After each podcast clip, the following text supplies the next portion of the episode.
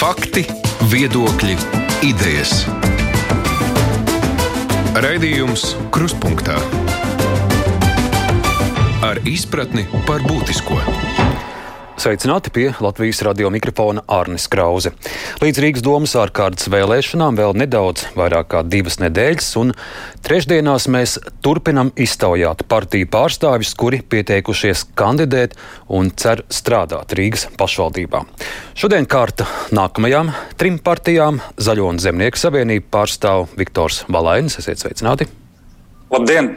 Rauls Nemīro, politiskās partijas KPVLV, pirmais numurs sarakstā. Sveicināti! Sveicināts! Un Miroslavs Mitrofānovs šodien pārstāv Latvijas Krievijas Savienību. Labdien! Labdien! Esam izvēlējušies četras tematiskās sadaļas, kuras rīzniekiem, mūsuprāt, ir svarīgas. Šīs stundas laikā tad, nu, vēlēsimies dzirdēt jūsu viedokļus un argumentus. Šie Jautājuma bloki ir Rīgas infrastruktūra, pašvaldības uzņēmuma darbība, arī izglītība un vides jautājumi, problēmas un to risinājumi. Iesākumā varbūt uh, statistikas dati no socioloģijas, uh, kas tiek solīts jūsu pārstāvētajām partijām un tiek prognozēts.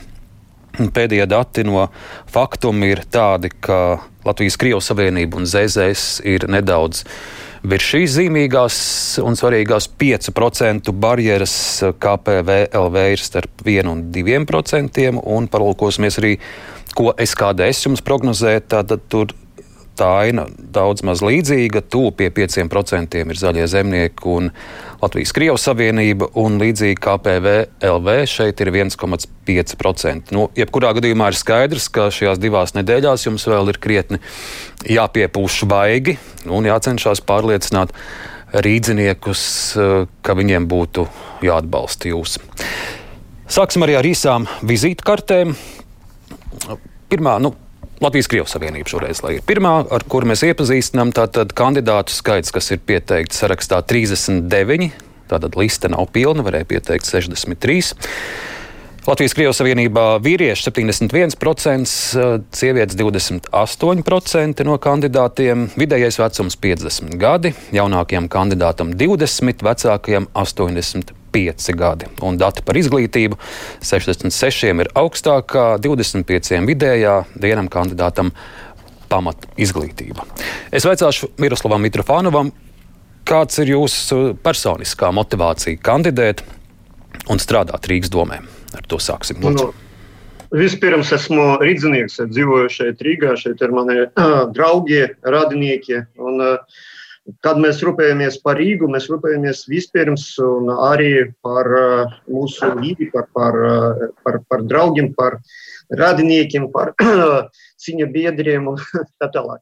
Bet uh, tas ir, tas ir svarīgi, bet esmu arī partijas līdzpriekšsēdētājs.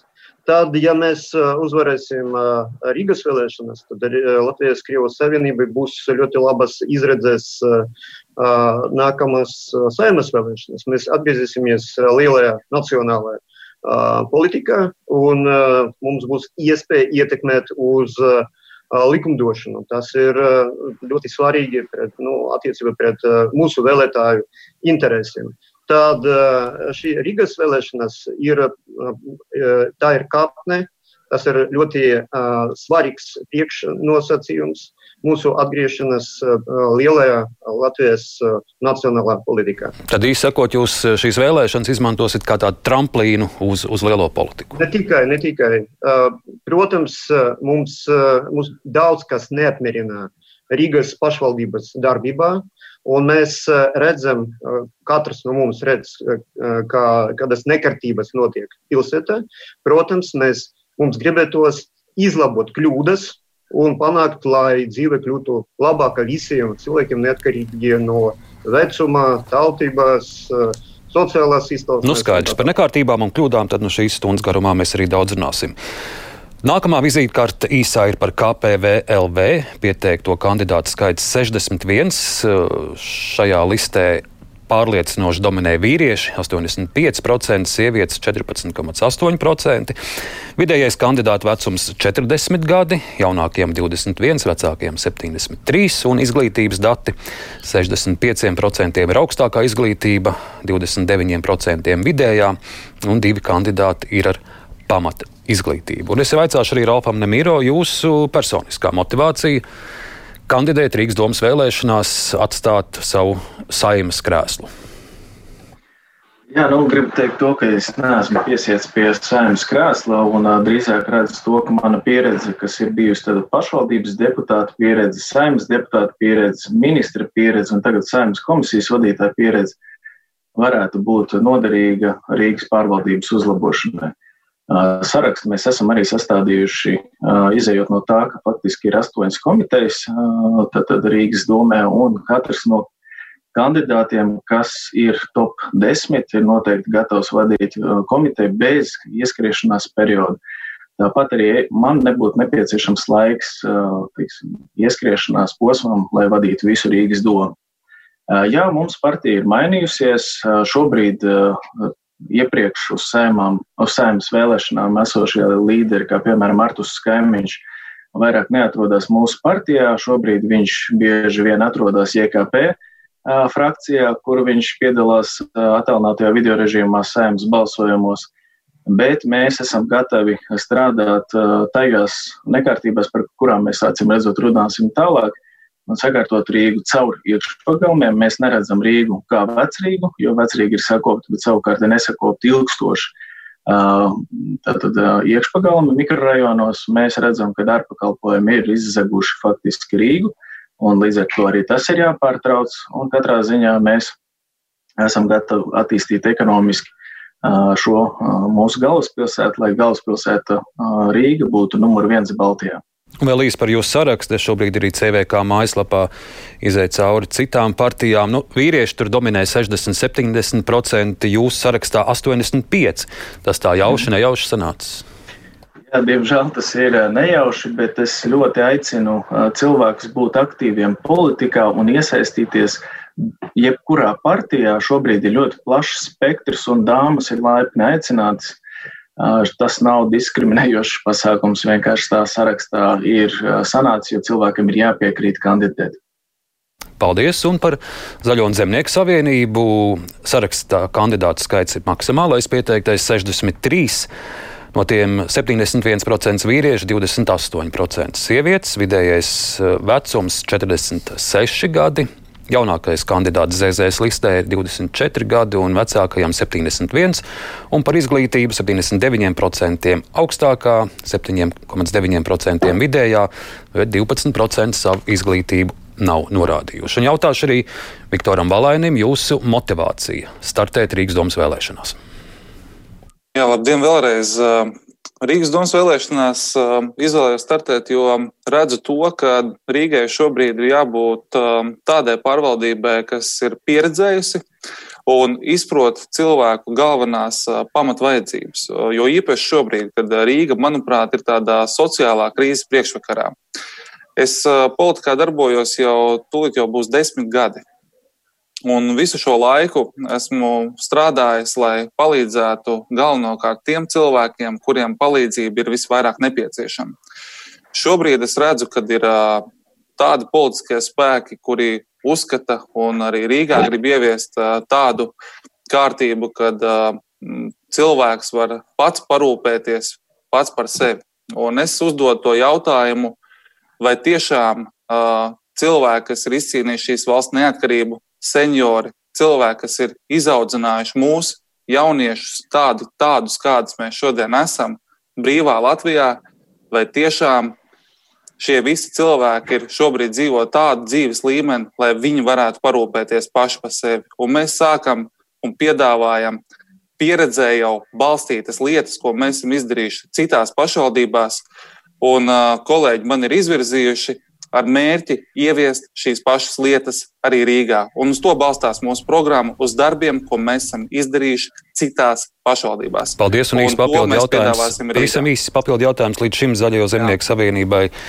kandidējot Rīgas domas vēlēšanās, nav veicies. Iepriekš 3,3% palikāt zem šīs 5% strīpas. Vai jums esat izvērtējuši, kādēļ līdz šim rīdzinieki nav uzticējušies zaļiem zemniekiem? Jā, protams, mēs esam veikuši vērtējumu, un šobrīd mums ir tiešām profesionāls saraksts, jauns saraksts, jauns redzējums, tiešām dažādi cilvēki, kas ir mūsu sarakstā startē, un ik viens no viņiem ir spēcīgs savā jomā un ik viens dod pienesumu šim kopējam saraksta, sarakstam. Bet, kas pats galvenais, atšķirībā no citām reizēm, šobrīd mēs esam ar ļoti skaidru, mērķiecīgu programmu. Tātad Skaidrs. mājokļi un citas lietas, ko atbalsta rīznieki. Par mājokļiem un, un citām lietām tad nu ķersimies pie šīm problēmām. Pirmā mūsu sadaļa ir pilsētas infrastruktūra. Es sākšu ar Latvijas-Krievijas Savienību. Jā. Eh, lasām jūsu programmu, ir vairāki punkti par šo jautājumu. Piemēram, katrā pilsētas apkaimē uzcelsim jaunās transporta stāvvietas. Tad ir arī punkts, ka atjaunosim rīzniekiem un jauniebraukušajiem no citām pašvaldībām īrēji pieejamā dzīvojamā fonda plašo būvniecību. Un tepat arī ir teikums, Rīgas kaķu dzīvībām ir nozīme. Tad nu, par kaķiem un infrastruktūru lūdzu stāstiet. Tie nosacījumi mums ir tādi, ka katram pārstāvim ir plus mīnus divas minūtes, lai mums pēc tam arī paliek, paliek laiks kopējai diskusijai. Lūdzu. Labi, par kākiem. Tas bija pārbaudes teikums, kurš eh, ir ielikts eh, tieši pa vidu starp eh, divām daļām mūsu programmas, lai būtu atbildēt tiem kritikiem, kuri uzskata, ka mums vispār nav sociāla, sociālās nodaļas vai ekonomiskas nodaļas. Mēs tikai runājam par Krievu interesu. Bet tie kuri, cilvēki, kuri ir nolasījuši līdz kākiem, tas nozīmē, ka tomēr viņiem ir, tāds, ir tiesības runāt ar mums par ekonomiku, par sociālām lietām. Un starp pirmais, kurš ir. Mitrofāno kungs, varbūt jums tur nav apkārt ļaudis, kas pārāk skaļi runā, jo mēs diezgan slikti jūs dzirdam. Mūsu, manis dēļ. Man ir klusums apkārt. Vispār. Labi, tad tas troksnis kaut kur citur mums nāk iekšā. Jā, jā, jā. Turpiniet, lūdzu. Tad uh, bija NRA žurnālists uh, Ben Latkovskis, kurš ir pamanījis šo teikumu tikai pēc nedēļas. Viņš bija pirmais aciks žurnālists, kurš ir izlasījis veselu programmu. Labi, runājot par stāvvietām. Rīgā ir diezgan daudz uh, automobīļu, un automobīļu skaits uh, būs vēl lielāks, jo tuvāko gadu laikā atnāks jaunas, jaunie uzņēmumi ar Eh, ar tā saucamo karšeringu piedāvājumu. Tad, un vēl nav vietas tagad pagalmos, daudz zivakļu, pie daudz zivakļu uh, ekām, kur uh, nolikt, tur atstāt savus, uh, savus automobiļus.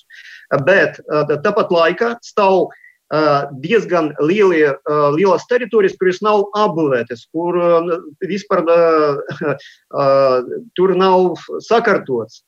Mēs varam piespiest īpašniekus nodot, izērēt šos platumus, bet daudzas Rīgas apkaimēs, lai privātie uzņēmumi varētu iekārtot tur lielas talvietas. Varbūt par maksu, varbūt bez maksas, tas var mainoties. Un vēl varbūt ir jāpadomā par to, lai pārkārtot iekšpagalmo telpu starp lielām ekām, dzīvojamām ekām, lai izdalītu vairāk tomēr platības automobīļiem. Es redzu, protams, ka mums attīstās divriteņu kustība ļoti plaši un ātri Rīga. Tomēr ir jādomā arī par cilvēkiem, kuri brauc ar automašīnām. Un kas tur trešais bija par mūsu no, no, no programmas?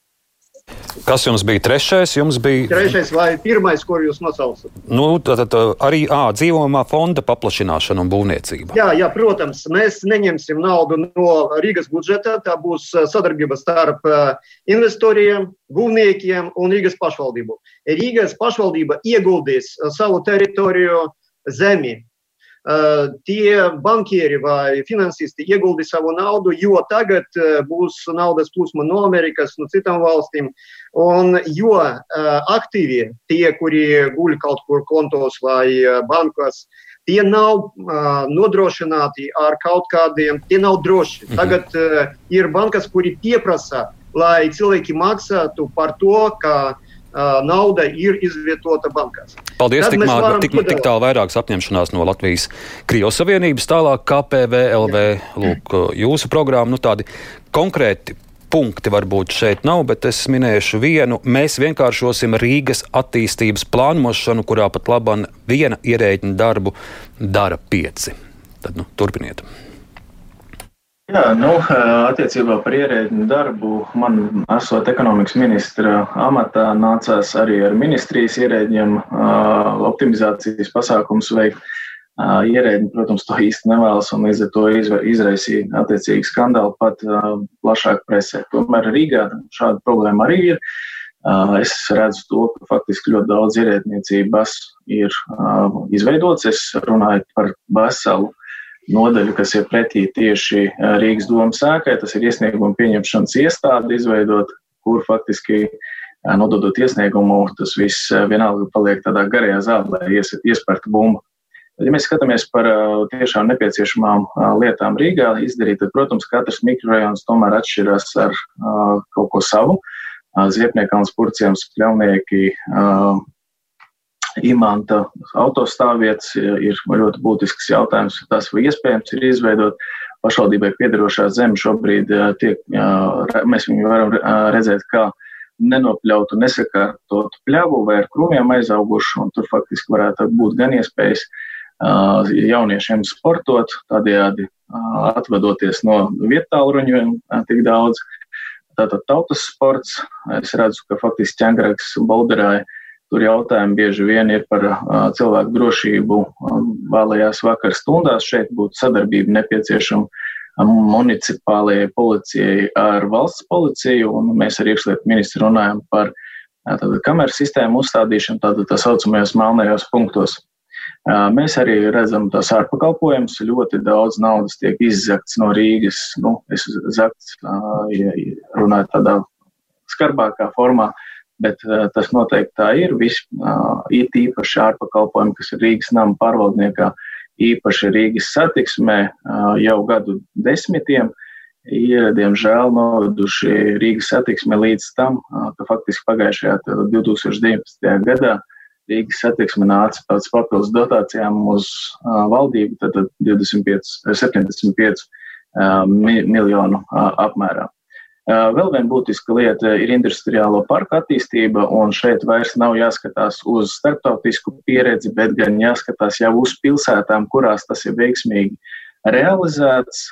Rīgā ir osta, Rīgā ir infrastruktūra nepieciešamā, un faktiski nekādu šķēršļu nav, ir tikai nepieciešama aktīva darbība pie šī jautājuma.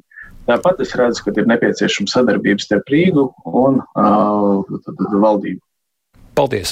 Un Zaļo zemnieku savienība jūsu programmā vairāk konkrēti punkti par infrastruktūras sakārtošanu, citēšu dažus. Īstenosim daudz dzīvokļu māju renovāciju, nepalielinot kopējos ikmēneša maksājumus. Velojoslām jākļūst par ceļa projektēšanas sastāvdaļu, ieviesīsim pārdomātu atstāju auto un brauc tīklu, un arī attīstīsim elektrotransportu, uzlādes staciju tīklu un tā tālāk. Tad nu arī paturpiniet savas apņemšanās? Jā, pirmām kārtām jau par šiem mājokļiem, un tas man ir tiešām ļoti sāpīgs jautājums. Es redzu to, mēs esam veikuši analīzi par Rīgu. Rīgā šobrīd 3000 daudzdzīvokļu mājas ir ļoti kritiskā stāvoklī. Cilvēki vienkārši saņem rēķinus, ļoti augstus rēķinus, rēķini ir dubultojušies pēdējo, pēdējo gadu laikā tieši par apsaimniekošanas maksu. Un, un šajā gadījumā cilvēki maksā pretī nesņemot pakalpojumu. Tāpat laikā šīs mājas ir ļoti kritiskā stāvoklī. Tā mēs redzam, šobrīd piemērs vakardien Viļņā balkons nokrita vienai mājai, paldies Dievam, kad bez bez cietušajiem, bet tomēr tas ilustrē to problēmu, kādā dzīvojam mēs šodien. Mēs redzam to, ka arī Rīgā šie balkoni krituši, jumti ir lūzuši iekšā. Tie jau ir pirmie signāli par to, ka tur ir nepieciešama ļoti strauja politika, un mēs esam gatavi ieguldīt pašvaldības līdzekļus, lai iedzīvotājiem palīdzētu šīs mājokļus sakārtot. Tāpat laikā mēs redzam to jau šobrīd. Eiropas Savienība ir uzstādījusi uzstādījumu Eiropas zaļais kurs kur uzdāts mērķis dubultot māju, atjaunoto mājokļu skaitu visā Eiropā. Tātad tas iet runa tieši par šīm mājām. Un uh, mēs redzam kopā izmantojot tā skaitā Vācijas pieredzi, kādā veidā viņi šo panāca. Mēs redzam to, ka mēs varam atjaunot šos mājokļus un uh, samazināt cilvēkam ikdienas maksājumus par uh, mājokļu uzturēšanu un lai šie kopējie izdevumi samazinātos. Tā kā attiecībā par šo vidas jautājumu mēs to skatām arī plašāk, tā skaitā arī sakārtojot ne tikai vienu mājokli, bet domājot uzreiz par kvartāla sakārtošanu, tas dod, dod milzīgu ekonomiju un kopumā arī palīdz nu, vienkārši iekšpagalms un tādas lietas sakārtot. Attiecībā uz parka un raidu mēs jau to īstenojam. Mēs jau to īstenojam. Un ir Jelgavā parka un raidu izveidots, Cārnikavā parka un raidu izveidots. Tie ir tie cilvēki, kas brauc uz Rīgas strādāt, un mēs ar pierīgas pašvaldībām, kuras mēs pārvaldām, un ar citām pašvaldībām, to darīsim arī turpmāk, attīstīsim šādas, lai atslogotu uh, transporta plūsmu Rīgā. Un uh, šie instalācijas, šie te, uh, elektrouzlādes punkti, tā ir jaunā Eiropas zaļais kurs, tas ir, tas ir dabis, tas ir tāpat kā elpot, tas, ir, uh, tas vienkārši notiks un tas ir jādara. Bet uh, no vidas jomas galvenā lieta, kādā veidā mēs uzlabosim vidas kvalitāti, ir bezmaksas sabiedriskais transports, tieši tāpat kā mēs to ieviesam ieviesām Jūrmalā, kas darbojās jau trīs gadus. Rīgā tam jābūt kā prioritāram pasākumam, lai atvieglot transporta kustību Rīgas centrā, vairāk, cilvēks, vairāk cilvēki izmantot sabiedrisko transportu, un Rīgā to var nodrošināt bez maksas. Mums ir piemēra pat blakus Jūrmalā, kur arī pašvaldība organizē, un to jau trīs gadus nodrošina bez maksas sabiedrisko transportu. Paldies! Un nu, mājoklis tātad, pamatā. Tās apņemšanās dzirdējām, te gan paralēli aktīvi arī klausītāji e-pastā komentē, un pat arī Anita atgādina par jūsu solījumiem, ka jūs savulaik esat solījis Skaiskalnē eh, atjaunot vai uzbūvēt eh, sporta zāli. Un pat esat apgalvojis, ka tas darbs jau ir paveikts, bet vietējie tā arī nevar atrast to atjaunoto sporta zāli. Jā, paldies par komentāru. Šodien jau reiz jau atbildēju šo ļoti būtiski uzsvērt, ka arī šajā gadījumā vēlēšana kampaņas ir tāds spraigs laiks, un arī šo gadījumu es jau komentēju vēl pirms vēlēšanām vēlreiz uzsveru, pirms vēlēšanām es atvainojos visiem iedzīvotājiem par šo kļūdu, kas tika pielaista uh, vēlēšanu procesa laikā. Un, uh, un es tiešām aicinu arī citus kolēģus, kas solīja 200 eiro minimālo pensiju, 3x500. Vismaz šodien izdariet to un atvainojieties un pasakiet to, ka jūs tomēr esat kļūdījušies.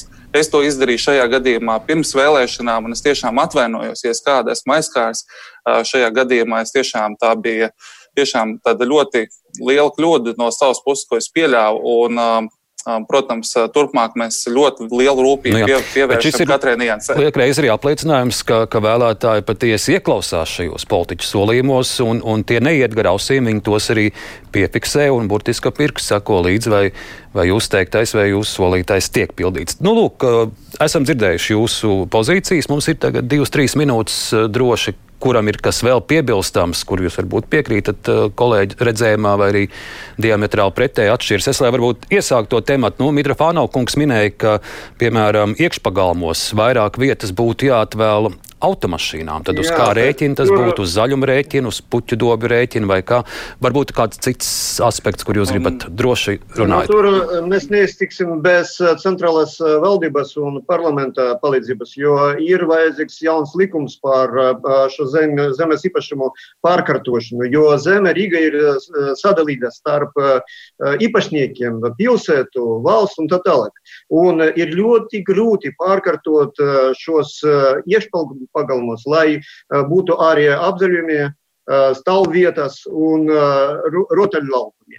Tad mums ir vajadzīgs speciālais likums, lai mēs varētu to izdarīt ātrāk. Jā, paldies. Pārējie kolēģi arī var droši, kurā brīdī jums liekas es, jaukties iekšā sarunā, jo katreiz grūti to vārdu dot šādā formātā.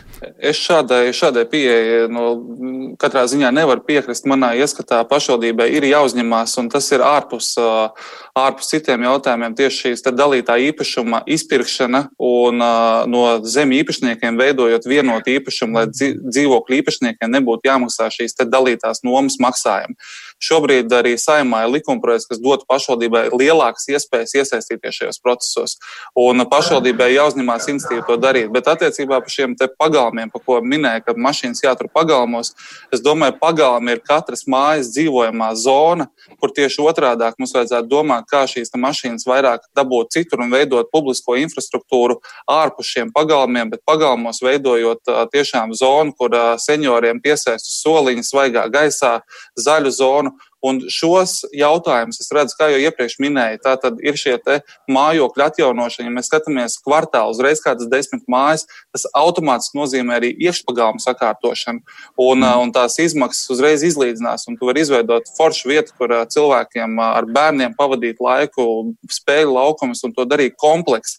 Ja to dara viena māja atsevišķi, tas ir ļoti dārgi un, diemžēl, tas īsti tādu pilnvērtīgu resursu, resursu izmantojumu nedod. Jo, mums ir pieredze tāda, ka uz lietām jāskatās kompleksi un daudz plašāk. Rīgā līdz šim tas ir darīts tā, ka vienu māju sakārtojam, vienu parku sakārtojam, bet netiek skatīts, kas notiek apkārt ap šo teritoriju plašākā redzējumā. Mēs savā pašvaldībās, ko pārvaldam, to darām un veidojam tādus infrastruktūras risinājumus, lai tas būtu, lai veidojas pilsētvide. Un, ja Miro kunga piebilda arī, tad mēs dosimies uz nākamo tematu. Jā, nu, mēs šobrīd veicam arī tikšanās ar iedzīvotājiem, un tiešām es redzu to, ka ir dažas problēmas kopējas un daudzas ir atšķirīgas. Segmentējot pa mikrorajoniem, man jāsaka godīgi, ka drošības aspekts ir ļoti būtisks. Mēs varam runāt par labiekārtošanu, tas ir svarīgi, bet dažādās pašvaldībās ir dažādas, dažādos mikrorajonos dažādas problēmas. Jāsaka godīgi, ka šīs dalītā īpašuma jautājums ir tiešām saimā un pie tā strādā vairāk deputāti. Šis jautājums ir ļoti fiskāli ietilpīgs, bet ja mēs skatāmies, ka mēs ar vieglu roku varam piešķirt līdzekļus gan Air Baltica, gan Latvijas dzelzceļam, bet nedomāt par šo problēmu, kas ir 20 gadus jau samilzus. Manuprāt, šeit nav īsti pareizi uzsvari, tāpēc es domāju, ka šis jautājums būtu daudz būtiskāk un jāatrisināt ātrāk cilvēki varētu uh, iekonomēt savus naudas līdzekļus un, godīgi sakot, arī uh, pienākās neliels pēriens arī uh, tad, tad šiem Rīgas nama pārvaldniekam, jo uh, apsaimniekošanas maksas ir 1,5 reizes, 1,5 reizes dārgākas bieži vien nekā dzīvokļu biedrībām, kur cilvēki apsaimnieko savus īpašumus paši. Iepriekš Rīgas nama pārvaldnieks tika izveidots tieši tam dēļ, lai samazinātu iedzīvotājiem rēķins. Ir noticis tieši pretēji. Paldies! Mūsu nākamā sadaļa - pašvaldības kapitāla sabiedrības un šeit nu gan līdšanai. Rīgas saimnieki ir pamatīgi kritizēti par to, kā ir uzturēta pilsētas saimniecība, jo īpaši stāsts par Rīgas satiksmi, Rīgas namu pārvaldnieku, kur regulāri viesojusies valsts kontrole knabu un, un ir daudz skandāli un izmeklēšanas un apsūdzības korupcijā un izsaimniekošanas piemēri. Ko jūs solat, kā uzraudzīt Rīgas kapitāla sabiedrības? Nu, šai sadaļā sāksim ar eh, Zaļo zemnieku savienību. Lūk, viens konkrēts punkts - ieviesīsim efektīvu namu apsaimniekošanu, nepieļausim Sijā Rīgas namu pārvaldnieks privatizāciju. Balaņkungs, lūdzu. Jā, un te man jāatgriežas pie mājokļiem. Manā ieskatā Rīgas nama pārvaldnieks šobrīd ir gadiem, gadiem gatavots privatizācijai. Un par to liecina vairāk faktoru, kaut vai dažādi ārvalstu uzņēmēji, kas izpirka uzņē, uzņēmumus, latviešiem piedarošos uzņēmumus Rīgas galvaspilsētā. Tas notika gadiem ilgi. Un arī Rīgas nama pārvaldnieka attieksme pret finansēm - 6 miljonus zaudēt PNB bankā, risku analīze praktiski nekāda un iedzīvotājiem sniegtais pakalpojums. Tas ir gadiem, acīm redzami, gadiem vest uz to, lai šis uzņēmums pēc iespējas lētākām naudām būtu iespējams to pārdot. Manā ieskatā tas ir pilnīgi nepieļaujami. Manā ieskatā Rīgas nama pārvaldniekam jābūt tam uzņēmumam, kurš būs galvenais uzņēmums, galvenais vilcējspēks visā galvaspilsētā, rādīs piemēru tam, kādā veidā ir jāstrādā un jāatjauno nekustamā īpašuma. Un, protams, tam ir vajadzīga ļoti profesionāla vadība. Šobrīd viss, kas ir darīts, liecina par to, ka šī vadība nu, ir, maigi sakot, ļoti neprofesionāla un īsti nesaprot, kurā vietā viņš šobrīd, ar kādi viņu pamatu uzdevumi pārvaldošo uz, uzņēmumu. Tāpat Rīgas satiksme. Mēs redzam, mūsu pilsētās ieviestie tehniskie risinājumi, ar kuriem mēs nodarbojamies kaut vai šo pašu uzskaitas kontroli. Rīgā tas maksā vairāk kā 15 miljonus ik gadu, ko saņem gods kalpot Rīgai biedrs un, un visi izliekās to neredzam. Mūsu ieskatā tas Jūs domājat, Brand, Brandaukungu, ja? Precīzi. Un, un tāpat šobrīd ir šie skaļākie nanoūdens, brandavu maksājumi, bet ir, ir jau vēl citi. Ir vēl uzturēšanas izmaksas, sabiedriskā transporta izmaksas, cik maksā vispār tas autobus. Mums ir ar ko salīdzināt. Mēs redzam, cik mūsu pilsētās tas izmaksā, cik, kādas ir šīs dotācijas, kāda ir uzturēšanas izmaksas. Un šajā gadījumā Rīgas satiksme būtiski pārmaksā. Un viens salīdzinājums par skaitļiem. Igaunijā nedaudz vairāk kā 70 miljonu dotāciju no pašvaldības un ir bezmaksas sabiedriskais transports. Rīgā 140 miljoni un ir maksas sabiedriskais transports. Tāpat laikā mūsu pieredze jūrmalā rāda to, ka 2 miljoni pašvaldības dotācija labi pilsēta ir 55,000, pareizināsim to kaut vai reizes desmit, mēs iegūsim pilnīgi citus skaitus. Tie būs zem 30 miljoni, ko tas izmaksā mūsu pārvaldītā pašvaldībā. Mums tāda pārvaldība nav pieņemama, un mēs būsim par to, ka pārskatīt pilnīgi visu uzņēmumu darbību, auditi, profesionāla pieeja, profesionāla pārvaldība. Mēs to savās pašvaldībās esam parādījuši, to, ka tomēr, lai vai kā, bet uh, šīs pašvaldību, organizā, pašvaldību kapitāla sabiedrības jāpārvalda profesionāļiem. Valēnkungs, un... man vienīgi tāds īsts papildu jautājums, ja reiz jā. jūs pats pieminējāt jūrmālu un arī jā. kā labo piemēru, jūs nu pats sakat nepieļaut uh, namu pārvaldnieku privatizāciju, bet kas ir noticis jā. jūrmalā? Jūrmalā 2014. gadā pašvaldība jūrmalas namsēmnieku pārdeva lietuviešiem, un tagad lietuvieši tur to dara. To arī nav, mums e-pastā klausītāji atgādina. Viņi nav vienīgais piemērs, un tas bija tiesas spriedums uh, laikā, kad gāja privatizācija pašvaldība pašvaldība bija spiesta pārdot šo uzņēmumu, jo tas balstījās tieši tiesas spriedumu, ka šis uzņēmums jāprivatizē.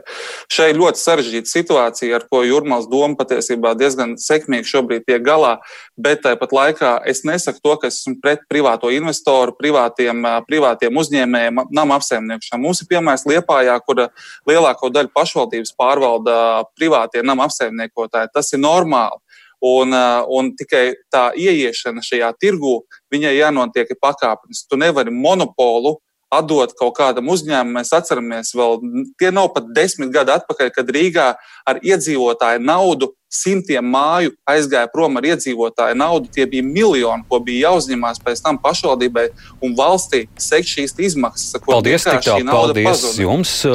KPVLV programmā ar jums konkrēti par Rīgas kapitāla sabiedrībām nekas nav minēts, tādēļ tagad gribētu plašāk jūs redzējumu dzirdēt, kā tos pārvaldīt. Jā, nu, pietiek no šiem kapitāla sabiedrībām izpumpēt naudu.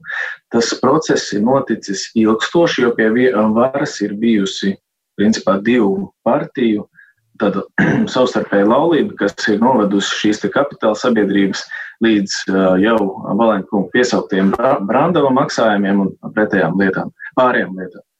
Uh, mēs varam arī paskatīties uz tādām kapitāla sabiedrībām, kurām lietderība vispār nav saprotama, piemēram, Rīgas acis. Šī te kapitāla sabiedrība faktiski varēja nodarboties ar, paredzēts nodarboties ar tātad kameru uzstādīšanu, bet kāda jēga uzstādīt kameras kaut kādam privātam uzņēmumam, ja gadījumā municipalitāte un valsts policija nesadarbojas. Jā. Tāpēc pārvaldības jautājumi Rīgā ir bijuši novērtā ilgstošu periodu. Visu laiku rēķinos summas iedzīvotājiem ir kāpušas. Es īpaši runāju par Rīgas namu pārvaldnieku. Ir daudz sociāli neaizsargāti cilvēki, kuriem maksājumi faktiski nu, ir pie šī te uztur minimuma, pie uztur minimuma. Jā, tad faktiski mēs runājam par senioriem, īpaši vientuļiem senioriem, bet uh, maksājumi kāp. Nu, neapšaubām, uh, ta, tas ir tam dēļ, ka uzņēmums strādā nesēmnieciski, ir bieži vien remontdarbu tāmas krietni sadārdzināts. Kāpēc? Ir jautājums privāts uzņēmums, kas ir biedrības, dzīvokļu īpašnieku biedrības, kas apsaimnieko paši savus uh, namus, ir krietni lētāki nekā Rīgas nama pārvaldnieks. Nu, es saprotu, ka tas faktiski ir apzināts gājiens, lai izvilktu no iedzīvotājiem naudu, un tas ir jāpārtrauc. Paldies! Un Latvijas-Krievijas Savienība jums vairākos punktos ir minēts pašvaldības uzņēmumu. Nu, piemēram, ir teikts, ka visos pilsētas rajonos nodrošināsim Rīgas nama pārvaldnieku speciālistu pieņemšanu klātienē, tāpat veidosim neatkarīgu komunālo ombudu, kas aizsargās rīdzinieku tiesības komunālās saimniecības jomā. Nu, jā. Kad mēs sākam gatavoties vēlēšanām, mēs uztaisījām aptauju. Un interesanti, ka galvenā pretenzija pret Rīgas namu pārvaldnieku bija nevis uh, rēķini par apsaimniekošanu un tā tālāk, bet attieksme pret uh, vienkāršiem cilvēkiem. Ja kāds uh, iedzīvotājs, viņam ir tāda vajadzība atnākt pie, uz pieņemšanu un noskaidrot, kāpēc šis cilvēks maksā par savu dzīvokli vai par remontu tādu un tādu summu, tad reālās tādas iespējas it kā nav. Tad, tur, tur ir ļoti tāda sarežģīta procedūra, kā tu vari iesniegt savu pieteikumu, saņemt kaut kādu atbildi pēc mēneša un tā tālāk. Ko mēs, veid, mēs veidosim tādas pieņemšanas birojus, kur šis, šī uzņēmuma darbinieki varētu pieņemt cilvēkus un aprunāties ar viņiem par, par problēmām. Bet par ombudu. Mēs neesam speciālisti šajā, šajās jomās, kā teiksim, celtniecība vai grāmatvedība. Bet ļoti bieži jautājumi par tāmēm, par, par remontu ir ļoti sarežģīti. Un vienkāršais jurists vai cilvēks ar juridisku izglītību tur palīdzēt rīzniekam nevar. Tad ombuds būs tāda iestāde, kur bezmaksas rīznieks var atnākt un pasūtīt neatkarīgu ekspertīzi, lai noskaidrotu, cik šis uzņēmums ir nu, sadardzinājis šo tāmi un vai šī tāma ir pamatota kaut, ar kaut kādiem standartiem. Un pēc tam sagatavot dokumentus, lai iesniegtu tiesai. Tāda, tāds, tāda ir doma, kā, kāpēc ir, ir vajadzīgs šis, šis ombuds. Tā būs jauna iestāde, neatkarīga ne tikai no Rīgas namu pārvaldnieka, bet arī no citām uzņēmumiem, kuri apsaimnieko dzīvojumus. Nu, skaidrs. Bet kopumā klausoties, nu, man sajūta, ka jums visiem ir gana kritisks skats uz to, kā līdz šim Rīgas saimnieki ir uzraudzījuši un saimniekojuši kapitāla sabiedrībās. Tādēļ es redzu, ka varbūt tāda liela diskusija vairs nebūtu, bet nākamajā sadaļā gan es paredzu, ka tāda būs. Un tā ir jā, izglītības joma. Jo es gribu tomēr izglītībai jā. to laiku lielāku atvēlēt. Varbūt tādēļ ķeramies pie, pie izglītības sadaļas un ar Zaļo zemnieku savienību. Arī varbūt šoreiz. Uh, Turpināsim par izglītību. Jums ir vairāk punkti. Pirmskolas un vispārējās izglītības iestādēs bērnus ēdināsim ar vietējo pārtiku, piešķirsim finansējumu bērnu bezmaksas ārpus klases nodarbībām. Jā. Par izglītību paturpināsim. Tātad par vietējo pārtiku tas ir, tas ir mūsu sadarbības partneris Zaļās partijas uzstādījums. Es to pilnībā atbalstu par to, ka mums vairāk jāatbalsta vietējie ražotāji, jo īpaši šobrīd, kad ir Covid un šo seku pārvarēšanai tieši vietējais uzņēmējs, un esmu pilnīgi pārliecināts par to, ka vietējais uzņēmējs var, nu, teiksim tā, maksimāli maksimāli kvalitatīvu pārtiku nodrošināt, lai nav jāiepērk no ārvalstīm kāds nekvalitatīvs, nu, bet varbūt ārzemju ekonomikas tutējošs produkts. Un mēs esam vairāk par vietējo. Vienīgi īsti piebildu, šonadēļ tas bija ziņās vietējie, ja saka, ka viņi negrib vairs šajā programmā piedalīties, jo tur piecus gadus cenas nav mainītas, un viņiem ir neizdevīgi pārdot vietu skolām. Nu, tas, ir, tas ir darbs, darbs ar uzņēmējiem. Un, ja, ja šobrīd tas ir neizdevīgi, tas nenozīmē, ka tajā brīdī, kad mēs nāksim pie varas Rīgas domē, tas tā turpināsies. Tā kā, tas jūs ir, esat pie varas zemkopības ministrijā, jūs jau tur varat no tā gala risināt. Mēs, Krauzes kungs, mēs esam šobrīd opozīcijā saimā. Mēs, mēs, Redziet, mēs, arī es kļūdos, kā, kā tas jā, bija iespējams. Jā. Bet jūs tik ilgi tur bijāt, ka man tas ir palicis acis priekšā. Labi, es atvainojos šoreiz. Daudz labas lietas izdarījām šajā jomā. bet, eh, bet eh, nu, attiecībā par skolu tīklu varbūt es eh, un par ārpusklases pulciņiem. Protams, šobrīd, nu, piemēram, piemēram futbols, futbola nodarbības. Ja tu izvēlies šo privāto, privāto skolu, tev jāmaksā pilns maksājums. Ja tu izvēlies pašvaldības skolu, tad pašvaldība šo dotē un apmaksā. Mēs reiķinājām, tie varētu būt aptuveni 5 miljoniem, kas būtu pilnībā izlīdzināt šo situāciju. Līdzīgi tas ir tāpat kā ar bērndārziem, ka agrāk privātais bērndārs nesaņēma nekādu atbalstu no pašvaldības. Pēc tam caur tiesu tiesa piespieda pašvaldībām sniegšu atbalstu arī privātiem. Manā ieskatā Rīgā šobrīd ir izveidojušies ļoti daudz tādu tiešām akreditētu sporta un dažādu interešu klubi, kur ļoti liels iedzīvotāju skaits iet apmeklēt, tāpēc, ka viņi ir tuvāk viņu dzīvesvietai. Ir nevajag gaidīt, kad tā situācija nonāks līdz konkurences padomēm vai tiesvedībām, kad caur tiesu tas nonāks. Tas jādara jau tagad un jānāk pretī, lai būtu vienlīdzīga attieksme un arī cilvēki varētu bērnu vest uz kvalitatīvu alternatīvu vietu ārpus stundu nodarbībām. Paldies, bet, lai būtu vienlīdzīga attieksme, mums jādod iespēja izteikties arī kolēģiem. KPVLV jums viens, viena konkrēta apņemšanās. Pavisam vienkārši, ikvienam bērnam jābūt pašvaldības apmaksātai vietai bērnu dārzā, bezmaksas pamata vidējai vai profesionālajai izglītībai. Jā, nu šis jautājums man bija arī jārisina savā ziņā caur ekonomikas ministriju. Mums bija tāda nodarbinātības padome, kurā piedalījos es, izglītības ministre un labklājības ministre. Mēs redzējām datus, mēs redzējām skaitļus, kā attīstīt. Bieži vien tad, tad ir jāsasaista uh, nākotnē nepieciešamās profesijas tieši ar izglītību. Jo bērns, teiksim, 9. klasi pabeidzot vai 12. klasi pabeidzot, ļoti svārstās, kādu tad izglītību viņš vēlētos iegūt. Un šeit pašvaldība varētu nākt klajā ar šiem datiem, kas mums, ekonomikas ministrijā, man to, toreiz ekonomikas ministrijā bija sadarbības starp ekonomikas ministriju un pašvaldību būtu ļoti būtiska. Šajā gadījumā mēs varētu norādīt uz tām nākotnē nepieciešamajām profesijām, kuras uzņēmēji signalizē un saka, mums jūs vajag, mums vajag jūsu speciālisti jaunie. Attiecībā par šo bezmaksas nodrošināšanu, manuprāt, tas ir pilnīgi loģisks aspekts. Faktiski gan bērndārs, gan skola, gan vidusskola būtu nodrošināma bezmaksas. Tas jau šobrīd faktiski arī notiek.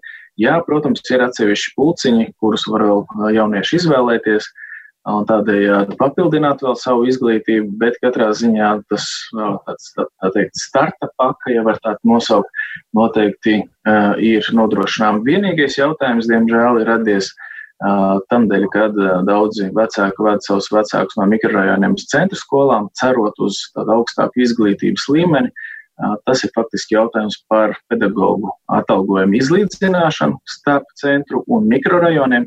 Ticiet man, ilgākā laika posmā, es domāju, piemēram, divu, piecu, iespējams, desmit gadu laikā, šī izglī, izglītošanas līmenis būtu sasniedzams. Paldies! Un Latvijas Krievijas Savienība jūsu programmā izglītības sadaļā dominē valodas, nacionālais jautājums. Lūk, viena apņemšanās iecelsim par skolu un bērnu dārzu direktoriem tādus speciālistus, kas maksimāli saglabās rīdzinieku bērnu nacionālo identitāti.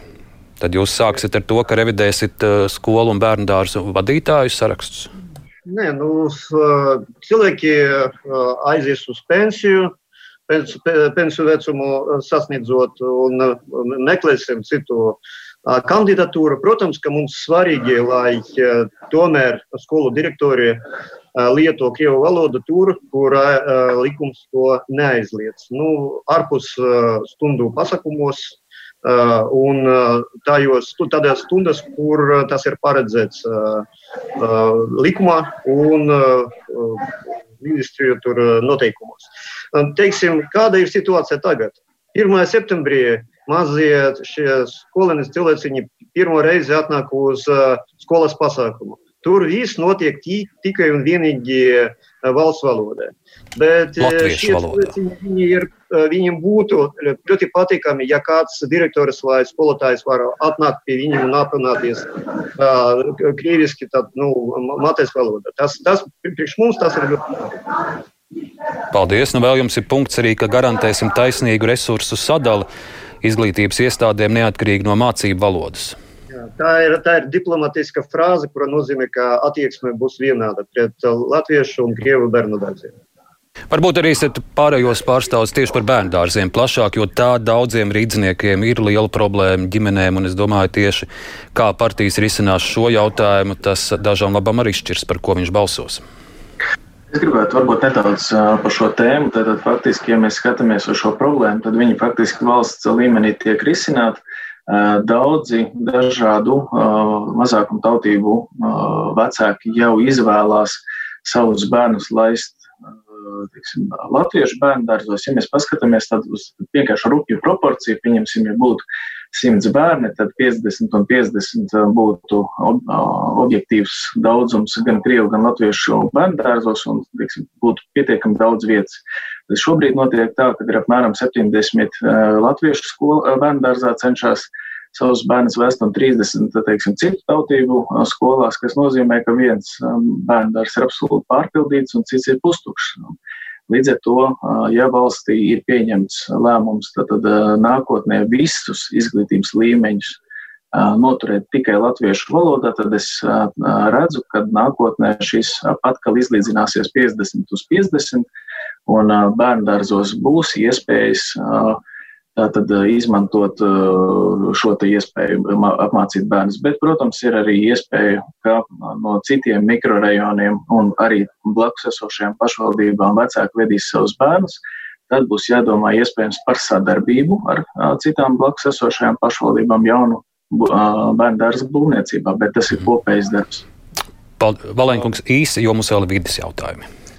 Jā, pilnīgi noteikti. Es gribētu teikt Mitrofānovu kungam, ka uh, Latvijā latviešu, latviešu valoda ir uh, valsts valoda, un uh, mēs arī mūsu ieskatā arī tā, tādā virzienā arī jātīstās. Un uh, šobrīd uh, attiecībā uz uh, to, kādā veidā risināt uh, jautājumus mazākumtautību skol, uh, skolām un šiem bērndārziem. Es domāju, tas ir jautājums, cik ilgā laikā valsts spēs sagatavot pedagogus, jo arī valsts skolās un bērndārdos trūks pedagogu. Tas ir jādara kopā ar valsti, jāveicina šādu jaunu pedagoģu attīstību, lai mēs varētu pāriet uz pilnībā izglītību valsts valodā. Paldies, un turpināsim par, par vidi vēl galvaspilsētā. Mums sešās minūtēs par to ir jāpagūst runāt.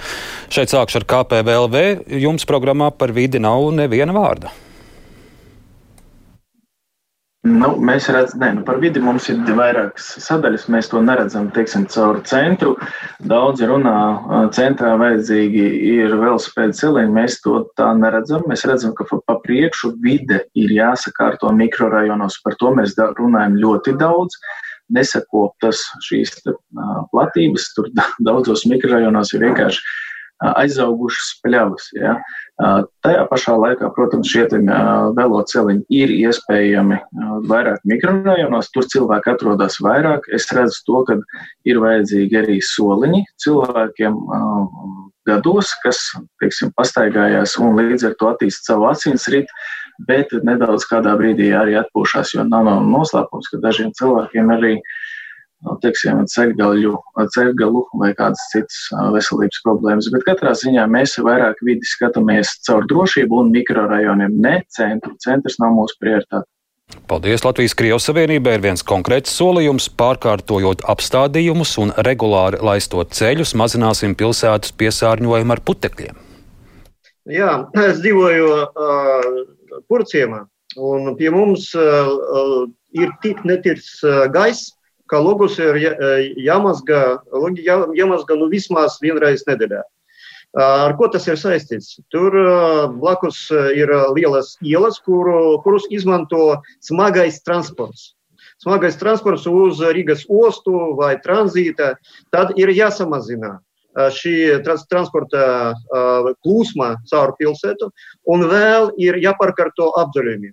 Rietumē Eiropā tur tas ir uzbūvēts tā, lai līmenis būtu vienāds ar asfaltu, lai lietus nevaru nomazgāt, teiksim, smilts un putekli uz asfaltu. Un pēc tam vējš to paņem un nogādā uz mūsu uz jumtiem, uz logiem un tā tālāk.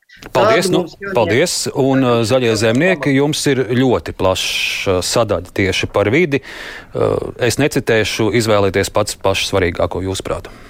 Pats galvenais ir vide, kurā cilvēks dzīvo, pavada savu laiku, un tas ir mājoklis un viss, kas notiek ap mājokli, un tie ir iekšpagalmi. Un tā būs mūsu prioritāte, kā jau minēju, šo veco māju atjaunošanu. Tas būs pats galvenais, ko mēs strādāsim, lai cilvēkam būtu droša, veselīga un arī maciņam taupīga vide, kurā viņš dzīvo, apkārt iekšpagalam, Tāpat arī attiecībā uz sabiedz, bezmaksas sabiedrisko transportu tas arī milzīgs vidas jautājums. Tāpat arī skaidrība par to, kas notiek mūsu dārziem, parkiem Rīgā. Šobrīd tas ir dažādās institūcijās un nav vienota cenrāža, kādā veidā tas viss notiekās, nav vienota izpratne, vienota redzējuma. Mēs savās pilsētās veidojam tiešām infrastruktūras objektus, iekļaujam pilsētvidē iekšā. Tāpat es redzu šobrīd biķernieku mežu un daudz tādas mežainas teritorijas, kurām milzīgs potenciāls, kuras nav izmantotas izmantotas, kuras var taisīt vairākiem mikrorajoniem, kā vietas ne tikai pastaigām vai ziemā slēpošanai, bet kā pasākumu norises vietas, vietas, kur pulcēties, vietas, uz kurām dodas arī pilsētas viesi. Ne tikai no Latvijas, bet arī no ārzemēm. Un mums tādas vietas ir izveidotas. Mums ir Jālgavā pilsēta izveidota, ko izmanto visi pilsētnieki. Un, Paldies, jā. Nu, un arī, arī šeit ir skaidrs, skaidrs jūsu nostāja, un mums ir vēl divas minūtes, un tajās es vēlētos no jums sadzirdēt, nu skaidrs, ka neviena no jūsu partijām, ja iekļūs Rīgas domē, nedabūs 31 deputātu un, un nepārvaldīs vienu pati pilsētu, Kur ir tie politiskie kolēģi, kur jūs redzat, miniet divus, eh, tātad ar kuriem vistuvākā sadarbība un ar kuriem kategoriski pie viena galda nesēdēsiet? Es sākšu ar uh, Krievijas Savienību. Vieglāk, protams, ir strādāt ar kreisām partijām, jo tur uzstādījumi ir ļoti līdzīgi, un mēs uh, aizsargāsim sociālās tiesības un tā tālāk. Bet uh, ir uh, Skatoties, Mums ir ļoti maz laika miniet konkrēti, ar kuru, kuru vistuvāk un ar kuru pilnīgi pretēji. Nē, es neminēšu pārties, bet es, es teikšu, ka mums nav sarkanas līnijas. Un mēs sadarbosimies pat ar uh, valdošiem partiem, kuri ir uh, Nacionālā valdībā, lai panāktu rīdzinieku intereses, atspoguļošanu likumdošanā. Paldies, un... KPVLV! Mēs nenostādām pretstatā teiksim, latviešu uh, valodā runājošus un citātu valo, citu valodu, uh, citās valodās runājošus cilvēkus. Ja jau mēs varam dzīvot vienā daudzdzīvokļu mājā uh, un runāt gan latviešu, gan citā valodā, tad acīm redzot, mums ir jāsadarbojas arī domē. Un mēs šodien šeit atrodamies pie jums studijā tikai tam dēļ, ka iepriekš partijas nav spējušas sadarboties un nav bijis trīs reizes kvorums manuprāt, ir jāsadarbojas pēc iespējas plašāk, bet mums nav pieņemama iepriekšējās domas vadība, un līdz ar to tiem cilvēkiem, kas ir vadījuši domu, mums uzgrūst. Viedokļu skaits un pusminūtē Zaļo zemnieku savienību. Jā, šobrīd uh, mēs redzam, ka ir notikušas notiek ārkārtas vēlēšanas, un visi tie jautājumi, ko mēs šodien pārunājam, tas ir iepriekšējo vairāk kā desmit gadu uh, koalīcijas Rīgā saskaņas un gods kalpot Rīgai koalīcijas darba rezultāts. Tad viņi un, būs tie, ar kuriem vis, vis Un Nē, tas, kas jā. man pārsteidz, ir tas, ka attīstībai par un gods kalpot Rīgai šobrīd jau veido koalīciju. Mūsu ieskatā gods kalpot Rīgai un, un saskaņa tas ir viens un tas pats, un mūsu ieskatā Nē. mums jāmeklē citas sadarbības. Žēl mums šai brīdī jāliek punkts. Jūsu domas dzirdējām. Es saku liels paldies par dalību raidījumā Viktoram Valēnim, Ralfam Nemīro un Miroslavam Mitrofānovam. Raidījuma kruspunktā producente Evija Unāma studijā bija Arnis Krause. Uz tikšanos!